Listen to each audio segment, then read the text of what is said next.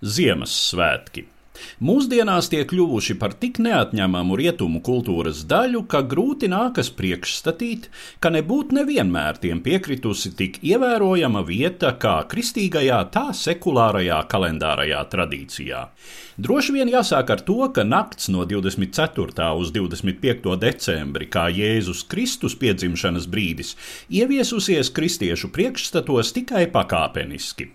Pirmajos kristietības gadsimtos kāda cilvēka piedzimšanas dienas svinēšana vispār tika uzskatīta par kristīgajiem nepiedienīgu pagānu ieražu.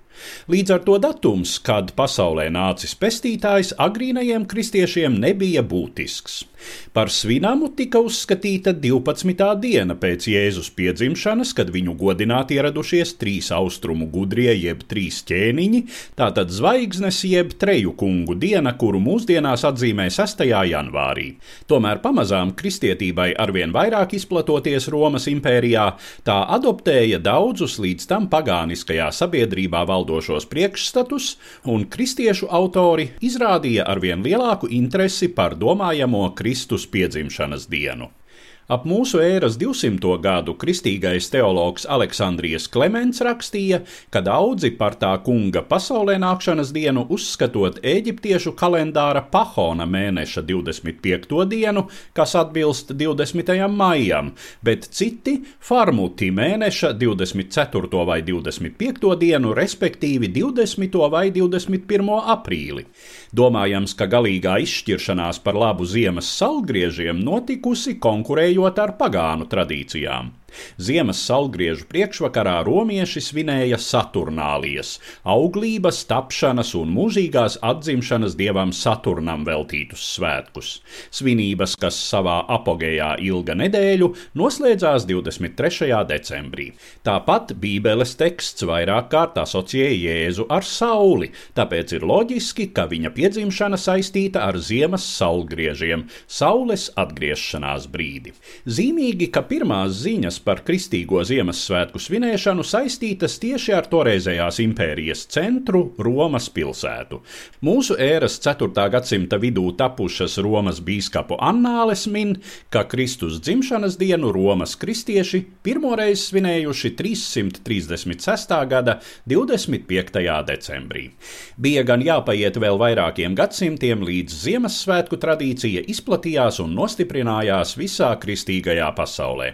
Vienot Citātu tradīciju pieņemšanu kavēja nevien Romas impērijas sabrukums, bet arī ariānisma kristietības novirziena izplatība. Ariāņi nepieņēma trīsvienīgā dieva konceptu, uzskatot Kristu kā no dieva tēva šķirtu un viņam pakārtotu lielumu un negatīvi attiecās pret Kristus īpašu godināšanu. Ariānisms gan galu galā zaudēja ideoloģiskajā cīņā un tika marginalizēts, tomēr Ziemassvētku svinēšana uz laiku tā arī palika piemirsta. Svētku nozīmi palīdzēja atjaunot politisks notikums. 800. gada 25. decembrī Romā pāvests Leons III kronēja par romiešu imperatoru Kārli Lielo, franku valdnieku, kuram uz laiku bija izdevies apvienot vienā valstī lielāko daļu Rietumē Eiropas. Šo datumu pieņemts uzskatīt arī par tā saukto tumšo gadsimtu beigām, kad Eiropā sāka veidoties vairāk vai mazāk vienota politiskā un kultūras telpa ar kristīgo baznīcu kā vienu no būtiskākajiem formējošajiem spēkiem. Tomēr agrāko pagānisko tradīciju absorbēšana kristīgajās, sevišķi sadzīves līmenī, palika aktuāla joprojām.